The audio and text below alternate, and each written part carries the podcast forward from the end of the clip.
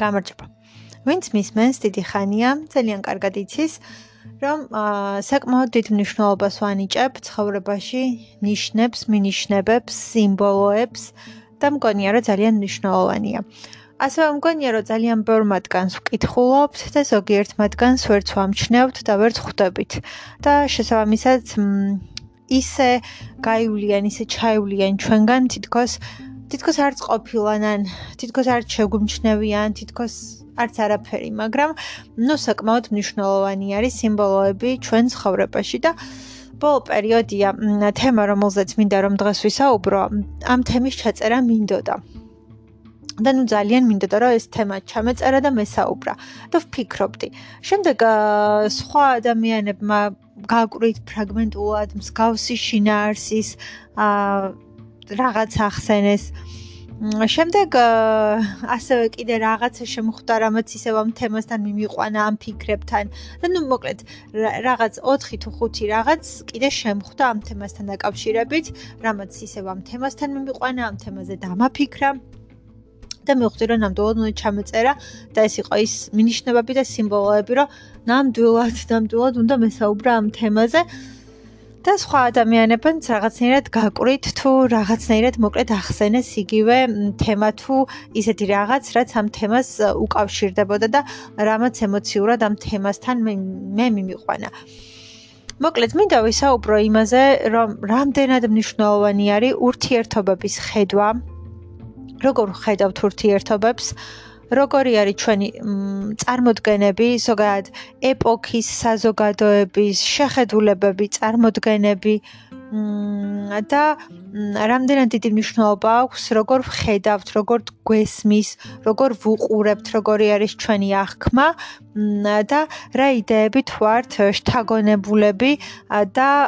რა იდეებით ვართ გაჟღენთილები და მოკლედ რა შემოდის ჩვენს გონებაში და როგორი არის ეპოქის იმ საუკუნის იმ თაობის და საზოგადოების ხედვა ნებისმიერი ურთიერთობის თვალსაზრისით? და რა წარმოდგენებით არის ნებისმიერი ადამიანი შთაგონებული და გაჟღენთილი? იმიტომ რომ ეს განაპირობებს შემდეგ ჩვენს ურთიერთობებს ჩვენს ჩვენს ყოველდღიურობას ასევე განაპირობებს ჩვენს ბედნიერებას ხანდახან ფსიქოლოგიურ მდგომარეობასთან ძალიან ბევრ ამბავს. და მგონია რომ ბევრი რამ არის ისეთი ციგნები რომლებიც ძალიან გუყვარს და მე არ მინდა რომ ამ ციგნებს ასე ვთქვათ ნეგატიური კუთხით შევეხო იმიტომ რომ მათ შორის ჩემთვის უსაყვარლესი ციგნები არის და აი ვგიშდები ამ ციგნებზე ძალიან მიყვარს. კლასიკად ქცეული ციგნები თუმცა ცოტა ტოქსიკური ურთიერთობის მოდელით და შემდეგ რადგანაც ეს ციგნები ჩვენ ძალიან გუყვარს და მათ შორის მეც და ამ რაღაცა რომანტიკით და ამ love story-თ რადგან ვართ შთაგონებულები, რაღაცნაირად ჩვენში ჯდება შინაგანად ძალიან ღრმა ფსიქოლოგიურად გარკვეული ტოქსიკური მოდელები, რომლებიც ბუნებრივი და სასურველი გგონია და ჩვენს გვინდა რაღაც მსგავსი თუ არ ვიცი. მ არ ვიცი რაღაც მსგავსი ხდება, ესე მგონია, რომ იმდენად ვართ შთაგონებულები და იმდენად ვართ შთაბეჭდილების ქვეშ და აი რომ აი შთან თქავს რა რაღაცა ის თაბეჭდილების ქვეშ რო ხარ და რაღაც მსგავსი. და მე შენს გინდა, იმიტომ რომ ის როგორი კარგია, ის როგორი რომანტიულია, ის როგორი რაღაცა არის, ისეთი არის, ესეთი არის და ეს იდეები განაპირობებენ, განსაზღვრავენ და მართლა ძალიან დიდწილად განსაზღვრავენ მთელი ეპოქის და თაობების შთაბეჭდილებებს და შეხედულებებს და მათ მიდგომებს და მოკიდებულებებს, მოთხოვნებს და სრულებს სიყვარულის მიმართ და რა უნდათ ურთიერთობაში, რას ეძებენ, რას უნდა რომ მიაღწიონ, რა უნდათ რომ იპოვონ და სად უნდა რომ მივიდნენ, ასე ვთქვათ და ეს არის საკმაოდ მნიშვნელოვანი ესე მგონია. ბევრი სიმღერა მათ შორის აი ამ ბოლო დროს რაღაც სიმღერებს მოვუსმინე და აი იმდენად ტოქსიკური მოდელი იყო ურთიერთობის იმ სიმღერაში რომ აი რა ვიცი მათ შორის აა ჩემთვისაც ძალიან საყვარელი სიმღერა არის თან ცოტა ძველი არის ახლა რაღაცნაირად ისევ დაბრუნდა თუ არ ვიცი გაიხსენა თამთაობა, არ ვიცი, ჩემს სტუდენტობის დროს უფრო მეტად იყო ეს სიმღერა მაშინ ალბათ 2007-8 წელს და ну მოკლედ ბევრი სიმღერა არის, ბევრი ფილმი არის, ასევე ბევრი ციგნი არის ალბათ რაღაცა ტოქსიკური, ტოქსიკური მოდელით, რომელიც არ გვაქვს გააზრებული, რომ ტოქსიკურია ძალიან მოგწონს, გვხიბლავს, გვიყვარს და მე რაღაცნაირად გვინდა თვითქოს და ჩვენც რაღაცნაირად იქითკენ მივდივართ და ვცდილობთ, რომ ის მივიღოთ და ის შევქმნათ და ჩვენც ისეთი რაღაც გვქონდეს და აღფრთოვანებულები, აღტაცებულები და მონუსხულები ვართ და იმის გააზრება, რომ შეიძლება არც თუ ისე კარგი იყოს, ეს არ გვაქვს. ძალიან ბევრჯერ მაქვს ასევე ნათქვამი, რომ ჩემი საყვარელი წიგნი არის ჯეინი არის. მაგრამ რამდენად ტოქსიკური არის ის მომენტი, რომ ურთიერთობა დაიწყოს ტყუილზე, აეგოს ტყუილზე და მიმდინარეობდეს ფაქტობრივად ტყუილში. და ეს ყველაფერი ბუნებრივ მომენტად, ბუნებრივ ფაქტად და ბუნებრივ ბუნებრივ, არ ვიცი, პროცესად იყოს მიჩნეული. და თითქოს არც არაფერი. ანუ აი ის რომ რაღაც ძალიან მოგწონს ეს ყველაფერი და როჩესტერი და ჯეინი და რაღაც გასაგებია, მაგრამ ურთიერთობა დაიწყო ტყუილზე. დაგებული ტყუილით. ატყუებდნენ რეალურად ყველაფერს. ატყუებდნენ რომელ ანუ რომელ სახში ცხოვრობდა, იდუმალებით იყო მოცული და არაფერი არ იცოდა რეალურად სად ცხოვრობდა. არ იცოდა რა საფრთხის წინაშე იყო, ხომ? ანუ რეალურად აა ცხო იმავე სახლში ცხოვრობდა ადამიანი, რომელსაც ნებისმიერ წუთს შეიძლებოდა რომ დაეშავებინა რაიმე. და არც თუ ისე კარგად არისო გაკონტროლებული ის ადამიანი, ხო? თავისუფლად დადიოდა მაინც და რაღაცებს აშავებდა ღამღამობით. ანუ სად ცხოვრობდა, რა გარემოში ცხოვრობდა, ანუ ბოლომდე არ იცოდა, არავინ არ უთხრა, არავინ არ მიაწოდა ინფორმაცია და არც კითხა, რომ უნდა და თუ არა, თანახმა იყო თუ არა ამ ყველაფერზე და სურდა თუ არა, რომ ამ გარემოში და სურდა თუ არა, რომ ამ პირობებში ეცხოვრა. მოკლედ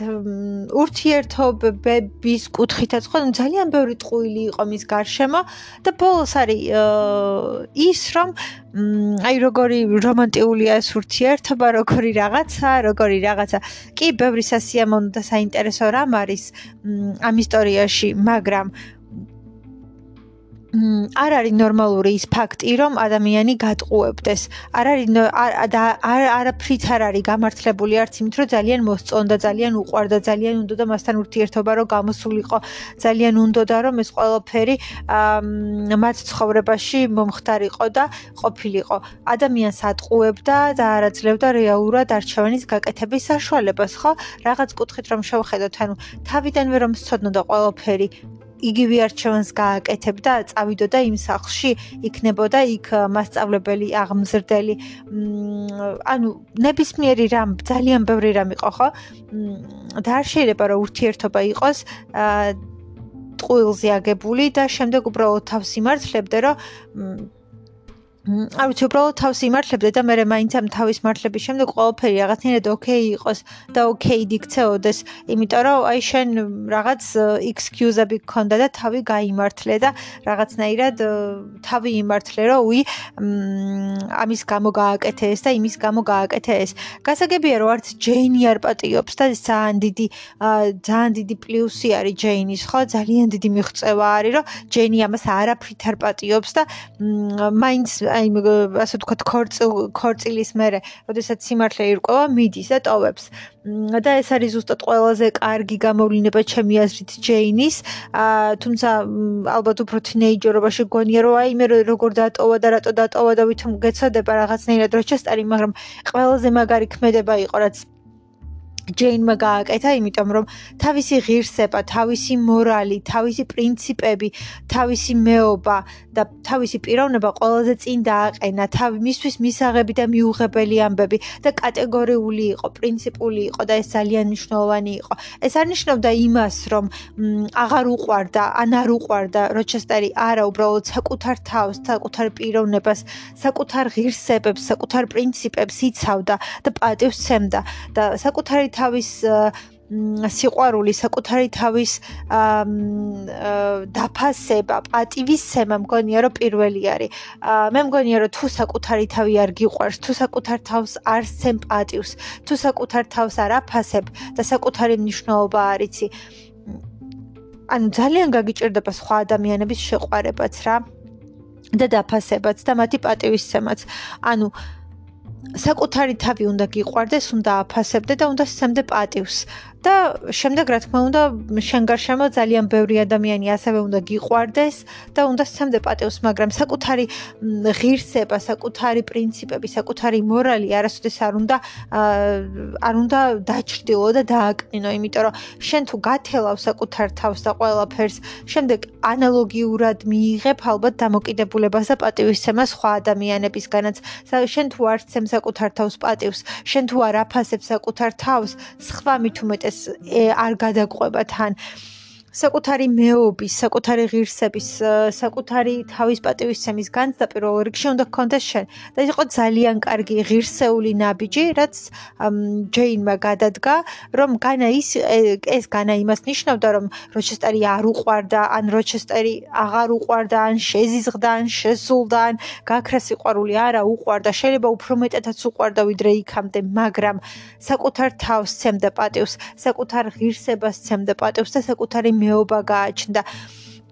და იქ როჩესტერი ეუბნება კიდეც რომ ანუ შენ მაინც არავინ არ ყავს, ოჯახი არ ყავს, ის არ ყავს, ეს არ ყავს და არც სახელი შეგელახება, არც ღირსება შეგელახება, არც რეპუტაცია შეგელახება. ანუ არ აქვს მნიშვნელობა ვინ ყავს და ვინ არ ყავს, ვინმე მეზობელი გაიგებს თუ არა შენ ამბავს ან რომელიმე ოჯახის ნათესავი და ის ილოპარეკებს თუ არა შენზე, გაკიცხავს თუ არა, ან იჭორავებს თუ არა შენზე. ეს იმდენად მნიშვნელოვანი არ არის, ანუ საკუთარი ღირსების შეგრძნება შენ უნდა გქონდეს და საკუთარი თავის პატივისცემის შეგრძნება. რამნიშ მნიშვნელობა აქვს ვინ რას გაიგებს, არას არ გაიგებს, ხო? ანუ შენ როგორ გძნობ ამ ყოველფრით თავს? ეს თუ შენს პრინციპებს, შენს რაღაც საზღვრებს არყევს და ანგრევს და ანადგურებს, ეს არის მნიშვნელოვანი და შენთვის თუ არის პრინციპულად მიუღებელი, რატომ უნდა გადააბიჯო ყველაფერს, რატომ უნდა გადააბიჯო იმ ყველა შენს პრინციპს, მორალს, მოთხოვნას, შენს ღირსებას და რატომ უნდა გააკეთო ისეთი რამ რაც შენს შენს ხასიათში, შენს შენს არ ვიცი, მეობაში, შენს პრინციპებში, შენს არაფერში არ ჯდება და გააკეთო უბრალოდ იმიტომ, რომ მე ხომ აინც არავინ არ მყავს და ჩემზე ხომ აინც არავინ არ იტყვის და მე საერთოდ თუ შეაინტერესებ ან რაღაცა. ანუ საკუთარ საკუთარ ინტერესებზე მთლიანად თქვა უარი და გადაშალო. ეს იყო ძალიან ღირსეული ქმედება ჩემი აზრით ჯეინისგან, როდესაც წავიდა. მაგრამ ამ ის ფაქტი, რომ ეს ურთიერთობა მაინც საბოლოო ჯამში დამყარებული იყო ტყუილზე და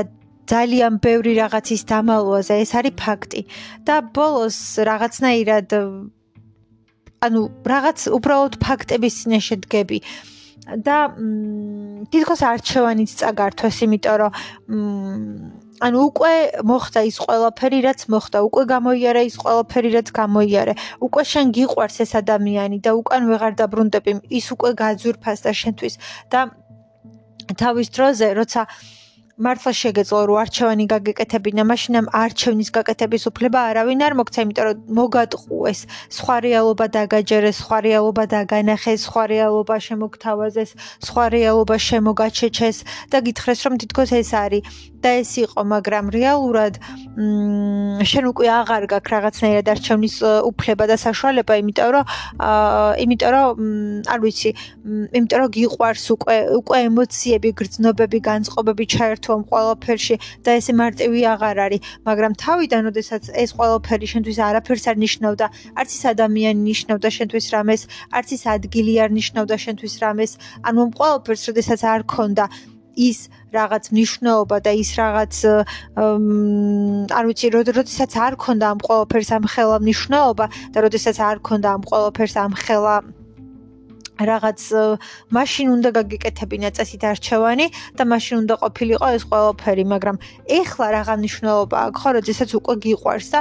არ ვიცი, უბრალოდ მგონია, რომ აი ის რომ საბოლოო ჯამში ერთიანობაში ეს ყველაფერი ჩვენთან მოდის, აი რაღაცა ეს მოდელი და ვიმე როგორ მოგწონს და ვაიმე როგორ ისაყარელია ის და ჯეინი და როჩესტერი და ანუ ვიღაცას როჩესტერი უყვარს ძალიან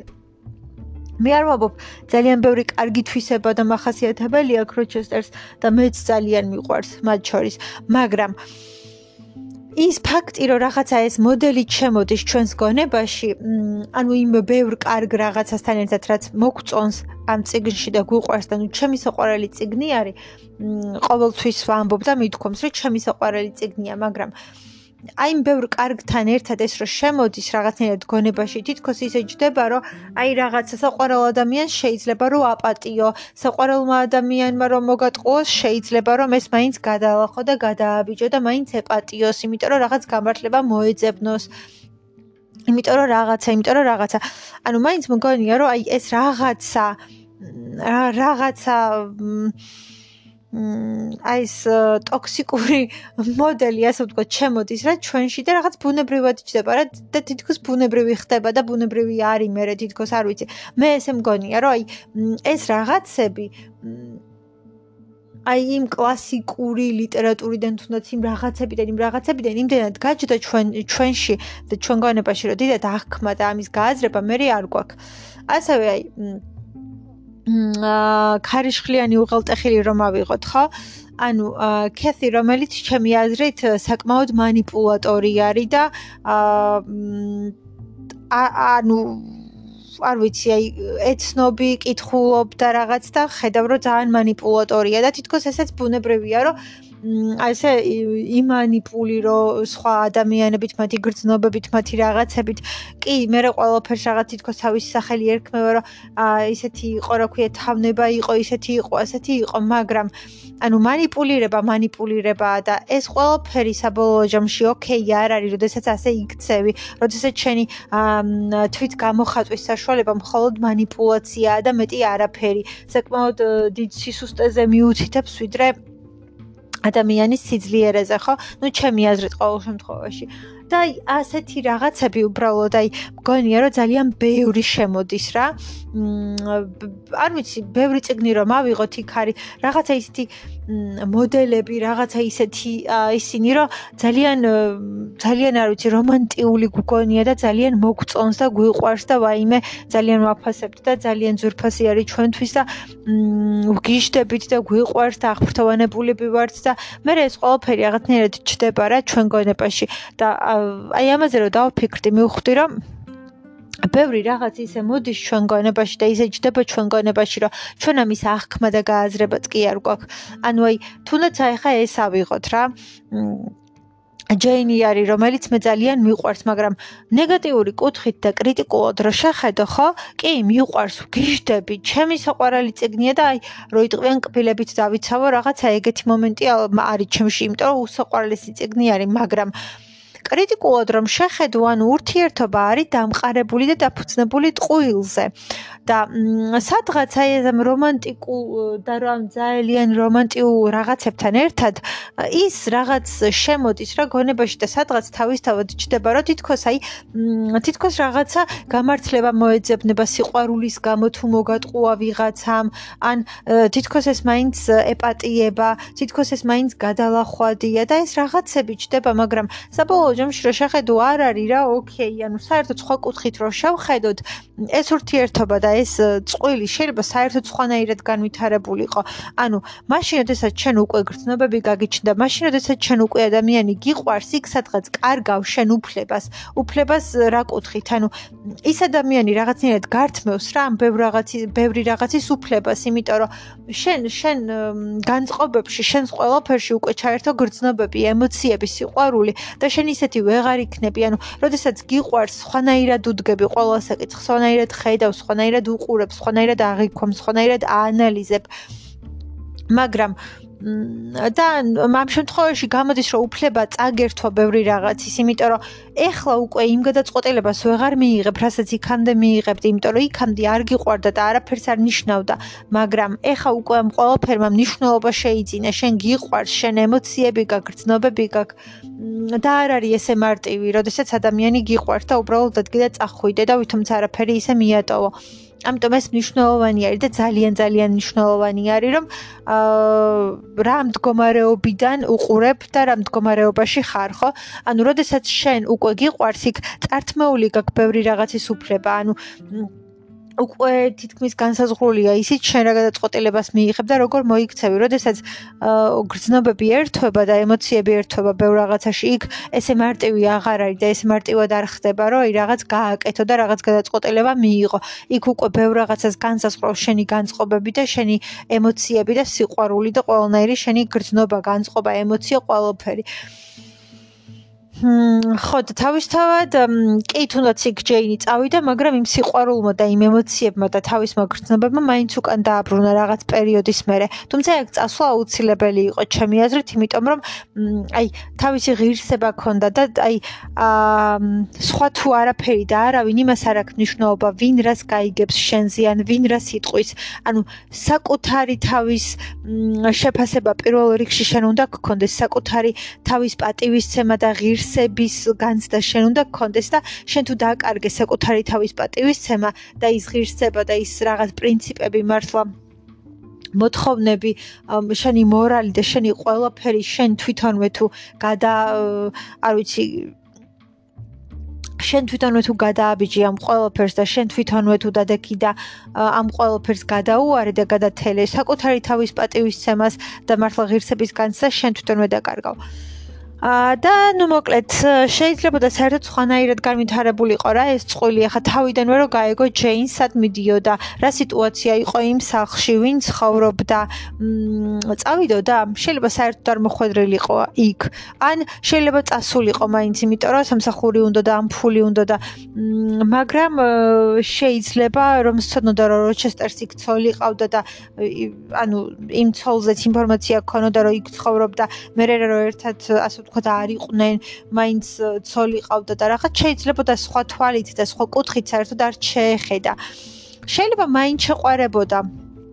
ანუ შეიძლება ყოველფრის მიუხედავად მაინც წასულიყო და ეწყო მუშაობა, შეიძლება მაინც შეყარებოდა, მაინც ყოველფერი იგივენაირად მომხდარიყო.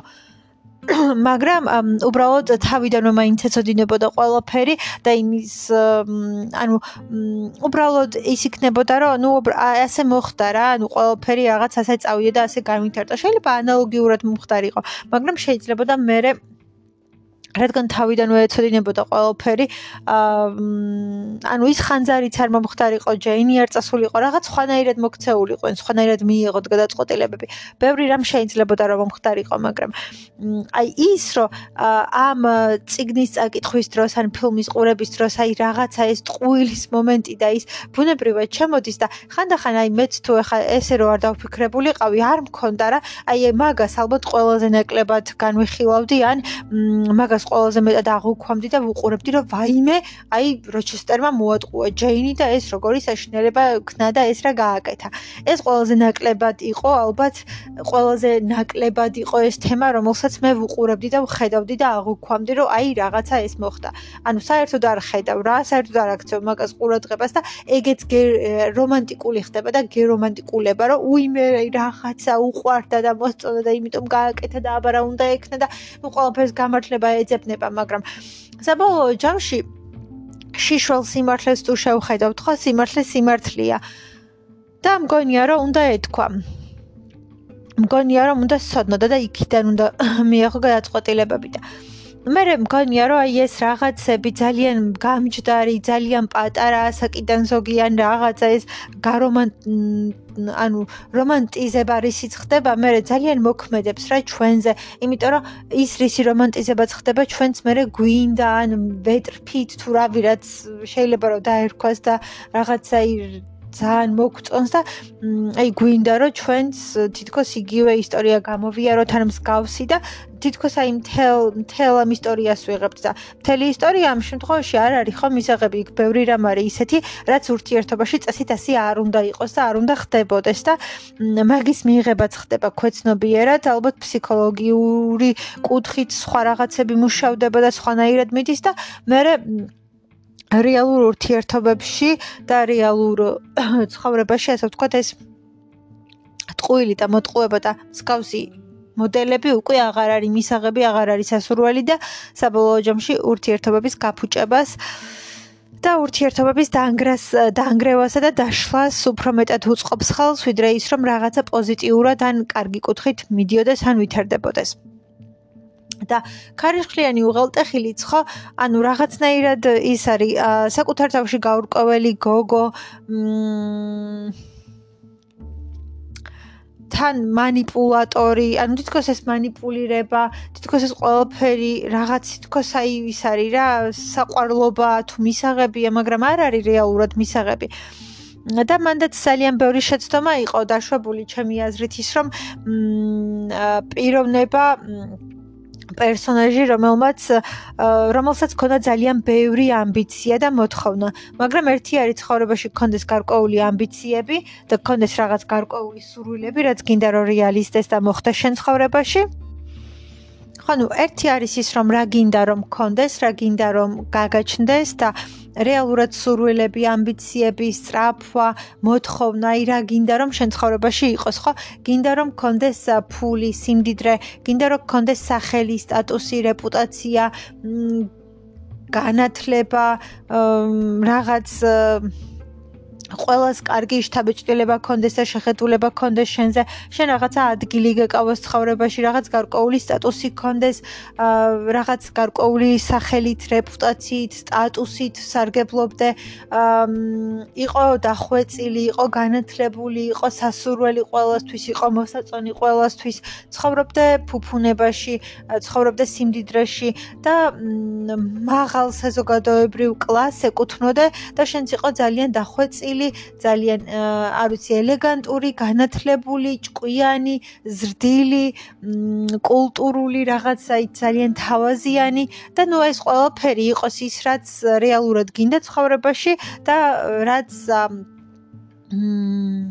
გინდა გონებით ცხოვრებაში, მაგრამ მეორე კუთხით გიყვარდეს ადამიანი, რომელიც ამ ყველაფრისაგან საერთოდ განსხვავდება და საერთოდ ამოვარდნილია ამ ყველაფერს. არც თუ ისეთი განათლება არ აქვს, არც თუ ისეთი თავაზიანი და ზრდილია და ეს რაღაცა ზრდილობიანობა და ძალიან დახვეწილობა და ელეგანტურობა ცოტა შორს არის მისგან და უფრო პირდაპირი და უხეში არის ვიდრე ეს რაღაც ძალიან დახვეწილი და ისეთი ხო? არც ისეთი განათლება არ აქვს მაგალითად და არც არაფერი არ გააჩნია ცხოვრებაში და არანაირი სიმდიდრე არ აქვს. მაგრამ ზუსტად ეს არის ის ადამიანი, ვინც შენმა გულმა აირჩია და ვინც რეალურად გიყვარს და გრძნობ რომ ის ადამიანი უბრალოდ ხიბლავს და გიტაცებს თავისი აი სიბრჭყვიალეებით ასე ვთქვათ და გარეგნული თუ აი გარედან ეს რაღაცა מחასიათებლებით და რაღაცებით. მაგრამ მეორე არის რომ ცხოვრებაში ამ ყოველფერს არ მოაქვს სიხარული და ცხოვრებაში ამ ყოველფერს არ მოაქვს ბედნიერება ეს არ არის ბედნიერების გასაღები და ეს არ არის ის რაც გაგაბედნიერებს ეს არ არის ის რაც კმაყოფილებს კმაყოფილებას მოგიტანს ცხოვრებაში და ეს არ არის ის რის მერეც იქნები ძალიან კარგად ძალიან გახარებული და ნუ ძალიან ბედნიერად რის მერეც იგრძნობ რა თავს იმიტომ რომ შეიძლება თავიდან კარგად გრძნობდე თუნდაც თავს, იმიტომ რომ ეს ყველაფერი მიიღე და რაღაცნაირად გაბრუებული იყო ამ ყველაფრით აღტაცებული იყო, აი რაღაცა ეშხში იყო, ხიბულში იყო. მე ალბათ ყველაზე მეტად ამას დავარქმევდი, რომ აი ამ მომენტს ამ მდგომარეობას ჩემთვის ალბათ ქვია ეშხში ყოფნა და აი ხიბულში ყოფნა და სანამ აი ამ რაღაცა რაღაცა იმაზე იმყოფები, ხო ეს ყველაფერი მოგწონს, გიტაცებს, შეიძლება ბევრი რამ ისეთი ნახო და გქონდეს რა ცხოვრებაში არ გინახავს, არ გამოგიცდია და აი რაღაცა მოგწონდეს, აი არ ვიცი, რაღაც აღტაცებული იყო, გახარებული იყო და არ ვიცი, რაღაცაი ძალიან ისეთ მდგომარეობაში იყო, აღტაცებულ, აღფრთოვანებულ, არ ვიცი, საოცარ საოცარ განწყობებზე იმყოფებოდა, იმიტომ რომ აი რა ვიცი, ბევრი რაღაცა ისეთი ნახე და ისეთ რაღაცებთან მიხვედი, რაზეც ნატრობდი, ოცნებობდი, არ გინახავ შენ ცხოვრებაში და ეს რაღაც პერიოდი გაგიგრძელდეს. ვიღაცა შეიძლება თვეები გაუგრძელდეს, ვიღაცა შეიძლება წლები გაუგრძელდეს, მაგრამ აუცილებლად დასრულდება, იმიტომ რომ მოგბეზრდება. აი პატარა ბავშვს თუნდაც ხო? ბავშვი რომელიც არის მაგალითად 5 ან 6 წლის და რომელსაც ბავშვობიდან დაბადებიდან აქვს რაღაც სათამაშო და უყვარს, გიждდება. ახალი სათამაშო რომ მოუტანო თავიდან გაერთობა, გადაერთვება იმაზე, მოეწონება აღფრთოვანებული იქნება, მაგრამ უმეტესად ისე ხდება ხოლმე, რომ რაღაც პერიოდის მერე როგორც კი ამ ახალს მოიბეძრებს, ისევ ის თავისი ძველი უნდა მაინც რა, იმიტომ რომ ის უყვარს იმას, თან აქვს რაღაცა ემოციები, გრძნობები, მიეჭულობა. ალბათ ბევრი რაღაც მოდელი და ბევრი რაღაც მექანიზმი ნებისმიერ რაღაცაზე მოქმედებს ადამიანის ცხოვრებაში. და იგივეა მანდაც, ანუ თავიდან ეშხში ხარ, აღფრთოვანებული ხარ, აღტაცებული ხარ, გატაცებული ხარ, მაგრამ რაღაც მომენტში ეს რადგანაც შენი არ არის ბეზრდება და ზუსტად ის გინდა რაც არის შენი და თუ ის შენი უკვე დაკარგე, მარტო იმიტომ რომ უცბად ახალი თოჯინა მოგინდა და ახლით გართობა მოგინდა და გინდა და გენახა და გამოგეცადა გამოცით გამოსადე, მაგრამ ამ გამოცდას გაუვიდა ასე ვთქვათ დრო და და უკვე აღარ გიტაცებს, აღარ მოგწონს, აღარ გიზიდავს, აღარ გინდა და ის შენი ძველი ყველაფერს გირჩევნია. ანუ ეს არის და შემდეგ უკვე ნუ манипуляция а სხვა ადამიანის ემოციები და გრძნობებით თამაში საკუთარი ამბიციების, საკუთარი სიამაყის, საკუთარი სრულებიდან გამომდინარე რეალურად არ არის ხო ეს ყველაფერი მისაღები. ნუ ალბათ ბევრი რამ არის, რასაც ისედაც მიხვდები და ხვდები წაკითხვის დროსაც, რომ რა არის მისაღები ზოგადად და რა არ არის მისაღები და რა არის მიუღებელი, მაგრამ მე მგონია, რომ ბევრი ისტორიის ზოგადად, ანუ მხოლოდ ამ ორი ციგნით არ მინდა რომ იმშოვო და მხოლოდ ამ ორი ციგნზე დაყრდნობით, მაგრამ ბევრი მოდელი არის საბოლოო ჯამში, რაც არ ვიცი, ბევრი მოდელი არის საბოლოო ჯამში ისეთი, რაც გქონია რომ კარგია, მაგრამ საბოლოო ჯამში მე აღმოჩნდება რომ თლაც ისეთი კარგიც არ ყოფილა, როგორიც შეიძლება გეგონა. ანუ თლაც ისეთი მისაღებიც არ ყოფილა, როგორიც წესით გეგონა რომ იქნებოდა, ან უნდა ყოფილიყო და ბოლოს ხვდები რომ ნუ რაღაც არ და რაღაც ვერ იმდენად და ხო ეს მხოლოდ ამ ორ შემთხვევაში და მხოლოდ ამ ორ ციგნზე რა თქმა უნდა ეს არ ხდება მხოლოდ ამ ორ ციგნზე და ამ ორ შემთხვევაში არ მუშაობს ეს ყველაფერი, მაგრამ სხვა შემთხვევებშიც და სხვა ციგნებზეც მგონია რომ ასე არის. არის რაღაც მომენტები, არის რაღაც ნიუანსები, რაც ალბათ ასევე უნდა დავინახოთ, რომ ცუდი არის და რაც ასევე უნდა დავინახოთ და მიუხვდეთ, რომ არ არის მისაღები და არ არის მოსაწონი და უნდა დავინახოთ ის ნეგატიური მხარეები და ის რაღაც ნეგატიური კუთხით რა და როგორ ხდება და რატო ხდება. და რეალურად ალბათ ბევრი რაღაცის აღქმა არის რომ ეს არ არის მისაღები ეს არ არის მოსაწონი ეს არის ნეგატიური. ეს არ უნდა მოგწონდეს ეს არ უნდა გიზიდავდეს ეს არ უნდა გიყვარდეს მაგრამ ნუ რეალურად რეალურად არის ის რომ ხანდახან ამის განცდა ქრება და ამის ხედვაც და ანალიზიც ქრება ზუსტად იმიტომ რომ რომანტიზება ხდება ბევრი რაღაც მომენტის და ამ რომანტიზებაში მე ის ასე ვთქვათ ნეგატიური მხარე შეიძლება ვეღარც დაინახო, ვეღარც აღიქვა და იმ რაღაც მოდელებთან რომლებიც ჩვენ მოგწონს, მე გვინდა რომელზეც ჩვენც ვნატრობთ და უიმე როგორი დიდი სიყვარულის ისტორია იყო და როგორი მ განსაკუთრებული და როგორი ამაღლებული სიყვარულის ისტორიაა და როგორი მაგარია აი ამ ძალიან განსაკუთრებულ რაღაცაში ნაკლებად ნაკლებად შემოდის იმის არ ვიცი განცდაც ალბათ აღქმაც ანალიზიც და ხედვაც, რომ აი ამ ძალიან მაგარში ასევე ძალიან ბევრი იყო ისეთი, რაც არ უნდა მოგწონებოდა, რაც არ უნდა ყოფილიყო მისაღები, რაც არ უნდა ყოფილიყო იდეალური, რაც არ უნდა ყოფილიყო ძალიან მისაღები და აი ამის განცდა მგონია რომ იკარგება და არ ვიცი მე პირადად ვაკვირდები ხოლმე ალბათ და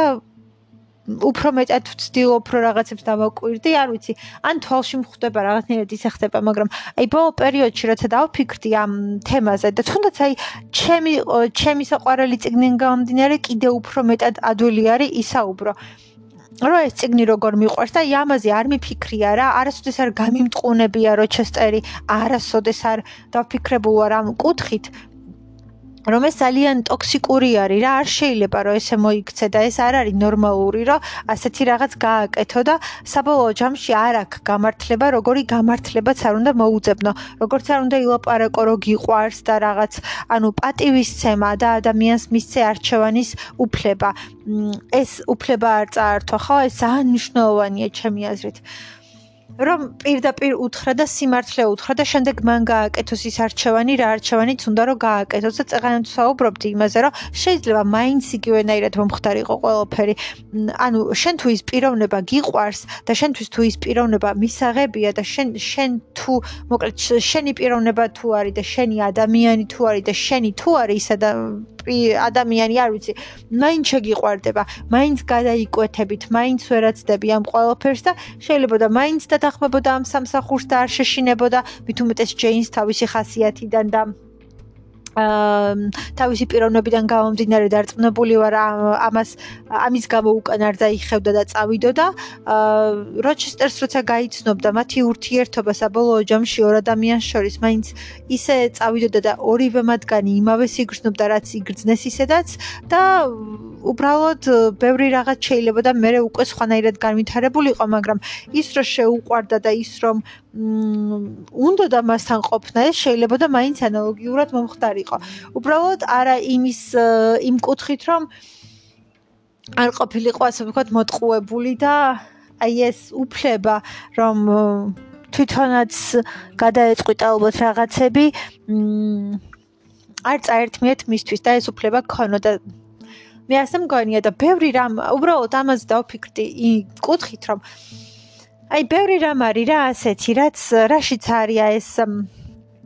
ნეგატიური რაღაცები, ტოქსიკური მხარე და მე ჩვენთვის მისაღებია, ჩვენ მოგწონს, ჩვენ ძალიან ვეტრფით, ჩვენ ჩვენთვის ძალიან მნიშვნელოვანია, ჩვენთვის ძალიან არ ვიცი, განსაკუთრებულია, ამაღლებულია რაღაცნაირია ჩვენ ესეთი ურთიერთობები და ესეთი მოდელი გვინდა და ჩვენ ასეთ მოდელებს შევტრფით, მაგრამ საბოლოო ჯამში იმის აღქმა და იმაზე დაფიქრება, რომ რამდენი ცუდი არის ამ ყველაფერში, აი ამის აღქმა უკვე იკარგება. ამის აღქმა ნაკლებად გვაქვს, ამის აღქმა არ გვაქვს. გვაქვს ფაქტობრივად რომ ეს როგორი ცუდია ეს როგორ არ შეიძლება ეს როგორ არ უნდა გააკეთო ასე და არ ვიცი ეს მომენტები მგონია რომ იპარება და ბევრი ფილმი არის, ბევრი ციგნი არის, ალბათ ბევრი სიმღერა არის, ბევრი რაღაც არის, რასაც ანუ ჩვენ ვუსმენთ, რაც შემოდის ჩვენს გონებაში, ჩვენს ცნობიერში, ფსიქოლოგიურად ალბათ სადღაც ილექება, რაღაცნაირად მისაღებ ფორმას იღებს, ან ზოგიერთი რაღაცის რომანტიზება ხდება და რაღაცნაირად აი ისეთი ხდება, რომ უიმე რა კარგია და უი რაღაც ასურვალი მოდელის სახეს და ფორმას იძენს, მაგრამ საბოლოო ჯამში საერთოდ არ არის სასურველი, საერთოდ არ არის მისაღები და წესით არც უნდა გინდოდეს და არც უნდა ნატრობდე, მაგრამ რომანტიზება ზოგადად რაღაცების არის ძალიან ოხერი რამ ჩემი აზრით. და აი ამ რომანტიზებაში ბევრი რამ ისეთი შეიძლება მოყვეს და მოხვდეს, რაც წესით იქ არ უნდა იყოს. და მე ნუ რაღაცნაირად მგონია რომ გავლენას ახდენს თავისთავად ჩვენზეც და აი იმას ვფიქრობდი რომ რამდენი რამ არის რაც ადრე შეიძლება მთლად ასე არც მიიჩნეო და ასე არც ფიქრობდნენ მაგრამ დღესდღეობით რომ დაფიქრდები ბევრ რაღაცას აღმოაჩენაც არისო რა მისაღები და არის რაღაცები რასაც ბოლომდე გამართლებაც ჩემი აზრით ალბათ არც აქვს რა. და ალბათ შეიძლება არც უნდა გაამართლო და მოკლედ იქიდან დავიწყე რომ ძალიან დიდი მნიშვნელობა აქვს იმას რაღაც საკითხებს როგორ ვუყურებთ, როგორ ვხედავთ, როგორი არის ჩვენი აღქმა, როგორი არის ჩვენი ანალიზი ამ საკითხების, როგორი არის ზოგადად იმ ეპოქის, იმ საზოგადოების აღქმა და შეხედულებები ამ საკითხებზე და ნუ ეს ყველაფერი კიდევ იცვლება. იცვლება დროსთან ერთად, იცვლება საუკუნეებთან ერთად. ალბათ დღევანდელი შექმნილი ლიტერატურა თუნდაც თუ მხოლოდ ლიტერატურას დავეყრდნობით, საერთოდ სხვანაირი სხვანაირი იქნება, სხვა მიდგომები, სხვა დამოკიდებულებები, სხვა შეხედულებები იქნება მასში სიყვარულის კუთხით და სიყვარულის თვალსაზრისით, რა თქმა უნდა, და სხვა მოდელებს შემოგთავაზებენ, სხვა მოდელებით განიმსჭვალებიან, ასე ვთქვათ, სხვა თაობის წარმომადგენლები, მომავალი თაობის წარმომადგენლები, რომლებიც წაიკითხავენ და ასე ხდება. უბრალოდ ის დრო და ის ეპოქა ალბათ ამ ყველაფერს მიიჩნევდა როგორც მისაღებს ან სასრულს ან იმდენ პრობლემას ვერ ხედავდა, მაგრამ დრო შეიცვალა. ზოგიერთი მათ ან ზოგიერთი ამ ციგნისგან ჩვენ რეალურად 100 წელი, 150, 200, ზოგიერთისგან 300 წელი გვაშორებს, ხო საკმაოდ ბევრი დრო გავიდა და